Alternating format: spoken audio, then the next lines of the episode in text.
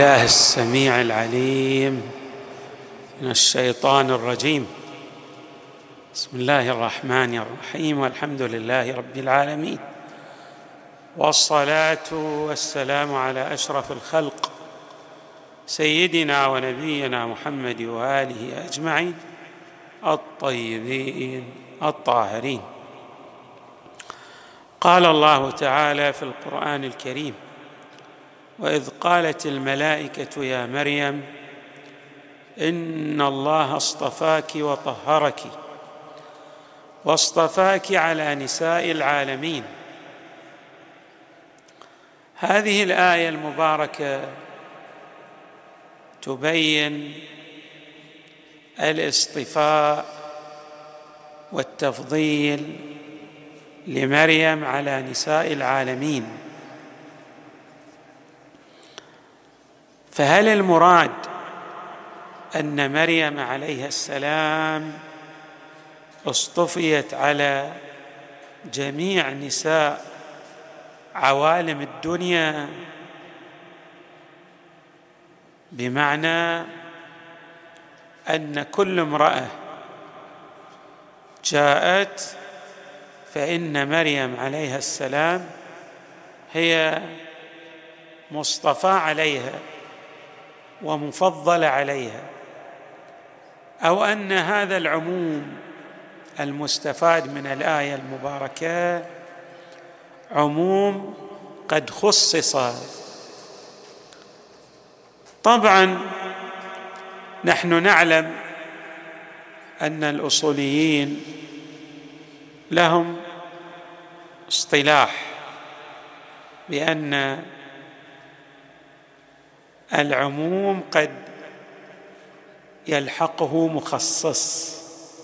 يعني ممكن أنا آتي باقول مثلا أكرم كل شخص في هذه البلدة ثم أقول إلا فلان. أو لا تكرم مثلا النحاة. يعني علماء النحو من هذه البلدة أستثنيهم. هذا الاستثناء يعتبر نحوا من التخصيص أي أن الإكرام يشمل الكل إلا من استثني. ولهذا اشتهرت قاعدة عامة يقال فيها ما من عام إلا وقد خص. وما من مطلق إلا وقد قيد. فممكن اللفظ يتصف بالعموم من ناحية ولكن له مخصص أو مقيد من ناحية أخرى. هذه الآية المباركة بالرغم من ظهورها في العموم إلا أنه جاءت روايات متواترة لدى الفريقين من العامة ومن الخاصة من السنة والشيعة. هذه الروايات كما قلنا لها متواترة. تقول في مضمونها أن سيدة تقول إن سيدة نساء العالمين من الأولين والآخرين هي الصديقة الزهراء عليه السلام. وتبين مفصحة أن مريم هي سيدة نساء عالمها العالم الذي التي وجدت فيه كانت مريم عليها السلام سيدة لتلك النساء في عالمها. ولا مانع أن يقال إن مريم هي سيدة نساء العالمين. لكن هناك نساء هناك امرأة فضلت على مريم فهي سيدة مريم وسيدة بقية النساء. يمكن أن يقال ذلك ولا بأس به. لكن الروايات وضعت النقاط على الحروف. وقالت إن مريم هي سيدة نساء عالمها فقط يعني لا تشمل حتى غير عالمها. العوالم التي قبل عالمها ليس من المعلوم أن تكون أو بعد عالمها إلى ما قبل عالم الصديقه الزهراء ليس من المعلوم أن تكون السيدة مريم هي سيدة لتلكم العوالم. بينما الروايات التي جاءت في الصديقه الزهراء تفصح وتبين أنها عليها السلام هي سيدة نساء جميع العوالم جميع العوالم. بل في بعض الروايات كما نعبر وضعت النقاط على الحروف. يعني قالت هذه الروايات طائفة من الروايات إن الصديقة الزهرة عليها السلام هي سيدة نساء الجنة. يعني ما في امرأة تدخل الجنة إلا وهي أنزل رتبة من الصديقه الزهراء. الصديقه الزهراء عليها السلام لها المكانة الرفيعة والمنزلة المرموقة السنية. أرفع رتبة في جنات النعيم في جنات الخلد هي للصديقه الزهراء عليه السلام. سنستعرض طائفة من الروايات الروايات كثيرة طبعا ولدى الفريقين ثم نعلق على هذه الروايات بنحو مقتضب وأيضا نبين مطلبا قرانيا وردت آيتان من القرآن الكريم. كلتا الآيتين تؤيدان بل تدلان على هذا المعنى الذي ورد في شأن الصديقه الزهراء عليه السلام. أما الروايات الرواية الأولى رسول الله صلى الله عليه وآله قال فاطمة سيدة نساء العالمين من الأولين والآخرين من الأولين والآخرين. بعد هذا واضح. ثم قال صلى الله عليه وآله وإنها لتقوم في محرابها فيسلم عليها سبعون ألف ملك من المقربين من الملائكة المقربين وينادونها بما نادت به الملائكة مريم. فيقولون يا فاطمة إن الله اصطفاك وطهرك واصطفاك على نساء العالمين. هذا حديث رقم واحد. حديث رقم اثنين. هذا الحديث بعد واضح. غاية في الوضوح. حديث رقم اثنين. فيه سؤال وإجابة. السؤال سؤال الحسن بن زياد العطار. قال قلت لأبي عبد الله عليه السلام. قول النبي صلى الله عليه وآله قول رسول الله صلى الله عليه وآله فاطمة سيدة نساء أهل الجنة. أهي سيدة نساء عالمها. قال الإمام الصادق عليه السلام شوفوا الإجابة دقيقة جدا. قال تلك مريم تلك لمريم. وفاطمة يعني وأما فاطمة فسيدة نساء أهل الجنة من الأولين والآخرين. بعد هنا حسب ما نعبر نقول ما وراء عبدان قرية. السائل يسأل هذا هل خاص بسيدة نساء عالمها فقط؟ الحقبة الزمنية التي عاشت فيها الصديقة الزهرة هي سيدة نساء. ذلك العالم الذي عاشت فيه. ثم تتغير هذه الرتبة. تكون السيادة لغيرها. قال الإمام الصادق لا. بالنسبة لهذه المقولة هذا في حق مريم عليها السلام. هي سيدة نساء عالمها أما بالنسبة للصديقة الزهراء عليه السلام فهي سيدة نساء أهل الجنة. من أول ما خلق الدنيا من أول ما خلق الله عوالم الوجود إلى أن إلى ما لا نهاية له. بعد رواية.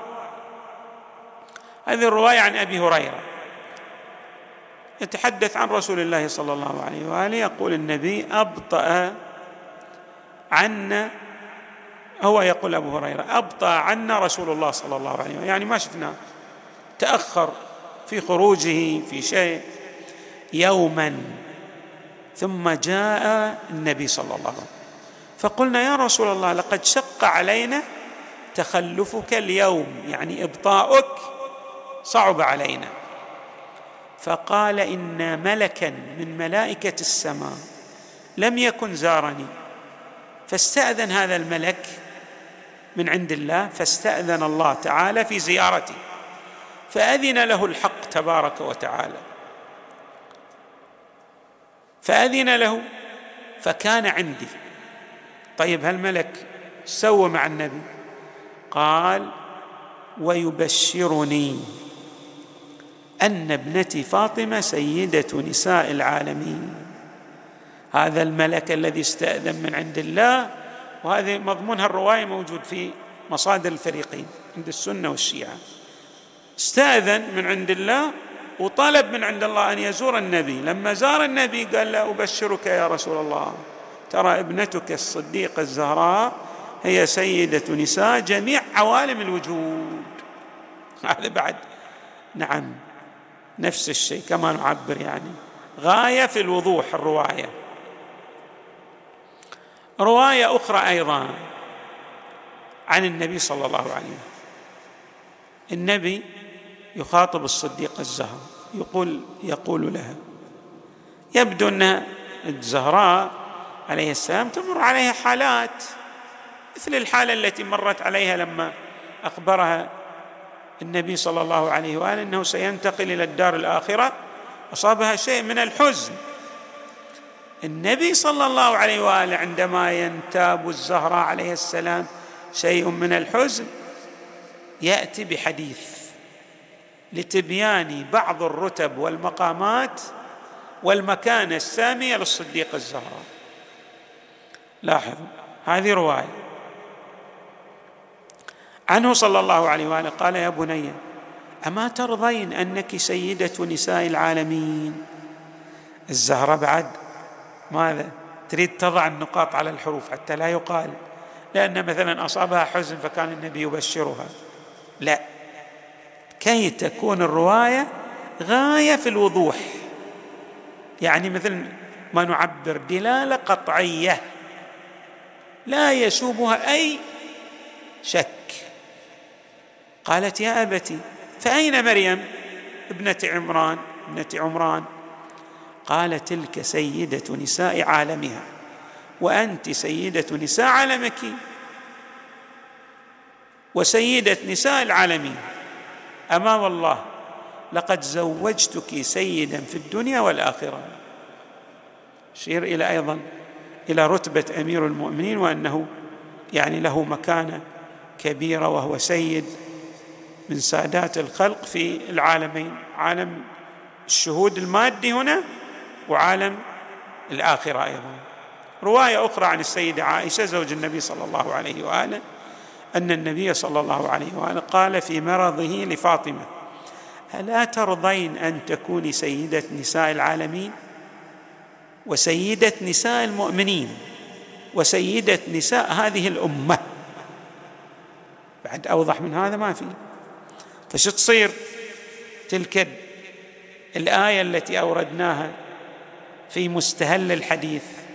إن الله اصطفاك وطهرك واصطفاك على نساء العالمين. فقط إشارة إلى أن السيدة مريم سيدة نساء عالمها. أما الصديقة الزهراء فسيدة نساء عوالم الوجود. أيضا رواية أخرى عن ابن عباس. أن رسول الله صلى الله عليه وآله كان جالسا ذات يوم وعنده علي وفاطمة والحسن والحسين. فقال النبي صلى الله عليه وسلم اللهم إنك تعلم أن هؤلاء أن هؤلاء أهل بيتي وأكرم الناس علي فأحب يخاطب الله فأحب من أحبهم. وابغض من أبغضهم ووالي من والاهم وعادي من عاداهم. أو لا هو يتكلم عن نفسه. ممكن الحديث يقرأ هكذا. نعم. أنا يا رسول الله أحب من أحبهم وأبغض من أبغضهم وأوالي من والاهم واعادي من عاداهم. ممكن أن يقرأ. أما دعاء أو أن النبي يخبر عن نفسه إخبار عن نفسه. كلا الطريقتين في قراءة الحديث صحيحة. إلى أن يقول النبي صلى الله عليه وآله في حق الصديقه الزهراء وإنها لسيدة نساء العالمين. فقيل يا رسول الله أهي سيدة نساء عالمها؟ فقال ذلك لمريم ابنة عمران. فأما ابنتي فاطمة فهي سيدة نساء العالمين من الأولين والآخرين وإنها لتقوم في محرابها فيسلم عليها سبعون ألف ملك من الملائكة المقربين وينادونها بما نادت به الملائكة مريم فيقولون لها يا فاطمة إن الله اصطفاك وطهرك واصطفاك على نساء العالمين. هذا أيضا حديث مروي عند الفريقين. حديث آخر عن السيدة عائشة أيضا زوج النبي صلى الله عليه وآله. أقبلت فاطمة تمشي كأن مشيتها مشي رسول الله صلى الله عليه وسلم فقال النبي صلى الله عليه وسلم مرحبا يا ابنتي. ثم أجلسها عن يمينه أو عن شماله. ثم أسر إليها حديثا. فبكت صلوات الله وسلامه بعد أن سرها النبي تأثرت. يعني بدا على محياها الحزن فأصبحت تبكي. ف نعم. ثم أس... أي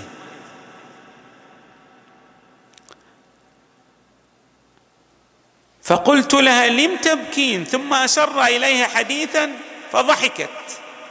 فقلت لها يعني عائشة تقول لها ما رأيتك اليوم فرحا أقرب من حزن.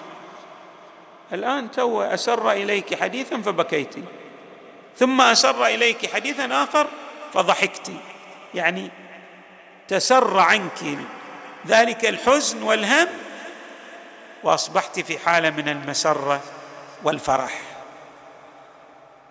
نعم. فسألتها. السيده عائشة سألت الصديقة الزهراء عليه السلام عما قال لها النبي صلى الله عليه وسلم. فقالت الصديقة الزهراء ما كنت لافشي سر رسول الله صلى الله عليه وسلم. هذا سر أنا ما أقدر هو لو كان النبي يريد أن يفشي هذا الكلام أمام الجميع لتحدث به جهرا. لماذا أسر إلي؟ فأنا لا أتحدث.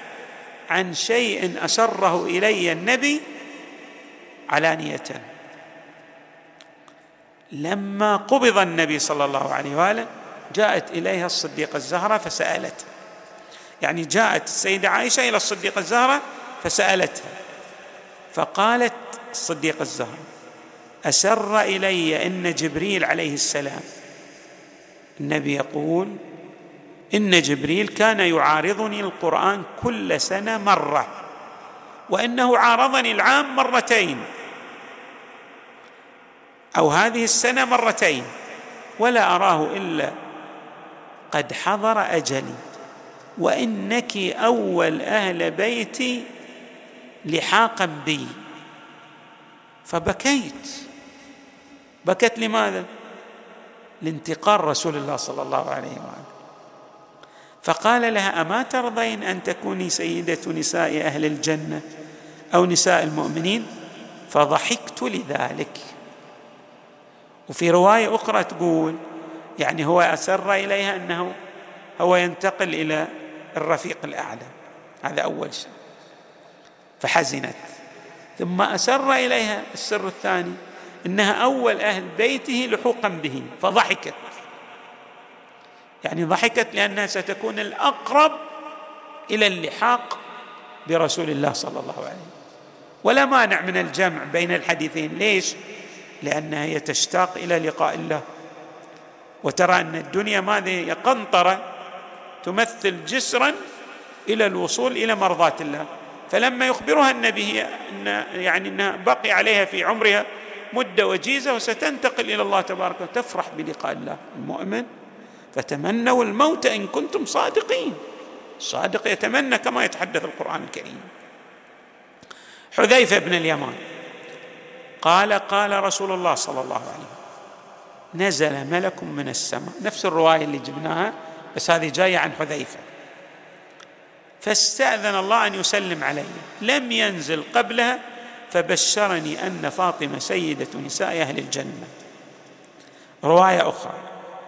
قال تعالى. أي هذا اللي نريد أن نستشهد بآيتين في القرآن الكريم. آية عامة يعني ورد فيها عموم بين. فجاءت الآية الثانية تبين أن ذلك العموم خاص بعالم من العوالم. كما الآن جاءت الروايات تبين أن العموم للسي... عموم السيادة لمريم خاص بنساء عالمها. شوفوا هذه الآية. الآية تقول هكذا.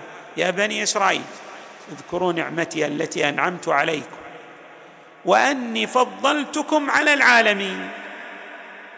الله يقول أني فضلتكم على العالمين. طيب على العالمين يعني يشمل العوالم؟ كل العوالم؟ مع إحنا نعلم أن أمة النبي صلى الله عليه هي أفضل من بني إسرائيل وأن النبي أفضل من أنبياء بني إسرائيل. آية ثانية تبين هذا المطلب. ماذا تقول؟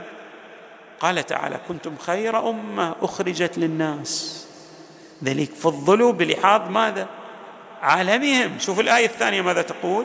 كنتم خير أمة أخرجت للناس تأمرون بالمعروف تنهون عن المنكر. فاذا الأمة الإسلامية هي أفضل من بني إسرائيل مع أن تلك الآية ماذا؟ فيها عموم لكن هذه الآية تبين أن ذلك العموم خاص بعوالمهم السابقة. أما بالنسبة لي بعدما جاء النبي مع أمتي فهو افضل فهم أفضل الأمم. نفس الكلام الذي جاء في حق السيدة مريم عليها السلام خاص بعالمها وأن الصديق الزهراء عليه السلام فهي سيدة نساء العالمين من الأولين والآخرين. نسأل الله تبارك وتعالى أن يجعلنا مع الصديقه الزهراء ومع أبيها وبعلها وبنيها في الدنيا والآخرة وصلى الله وسلم وزاد وبارك على سيدنا ونبينا محمد وآله أجمعين الطيبين الطاهرين.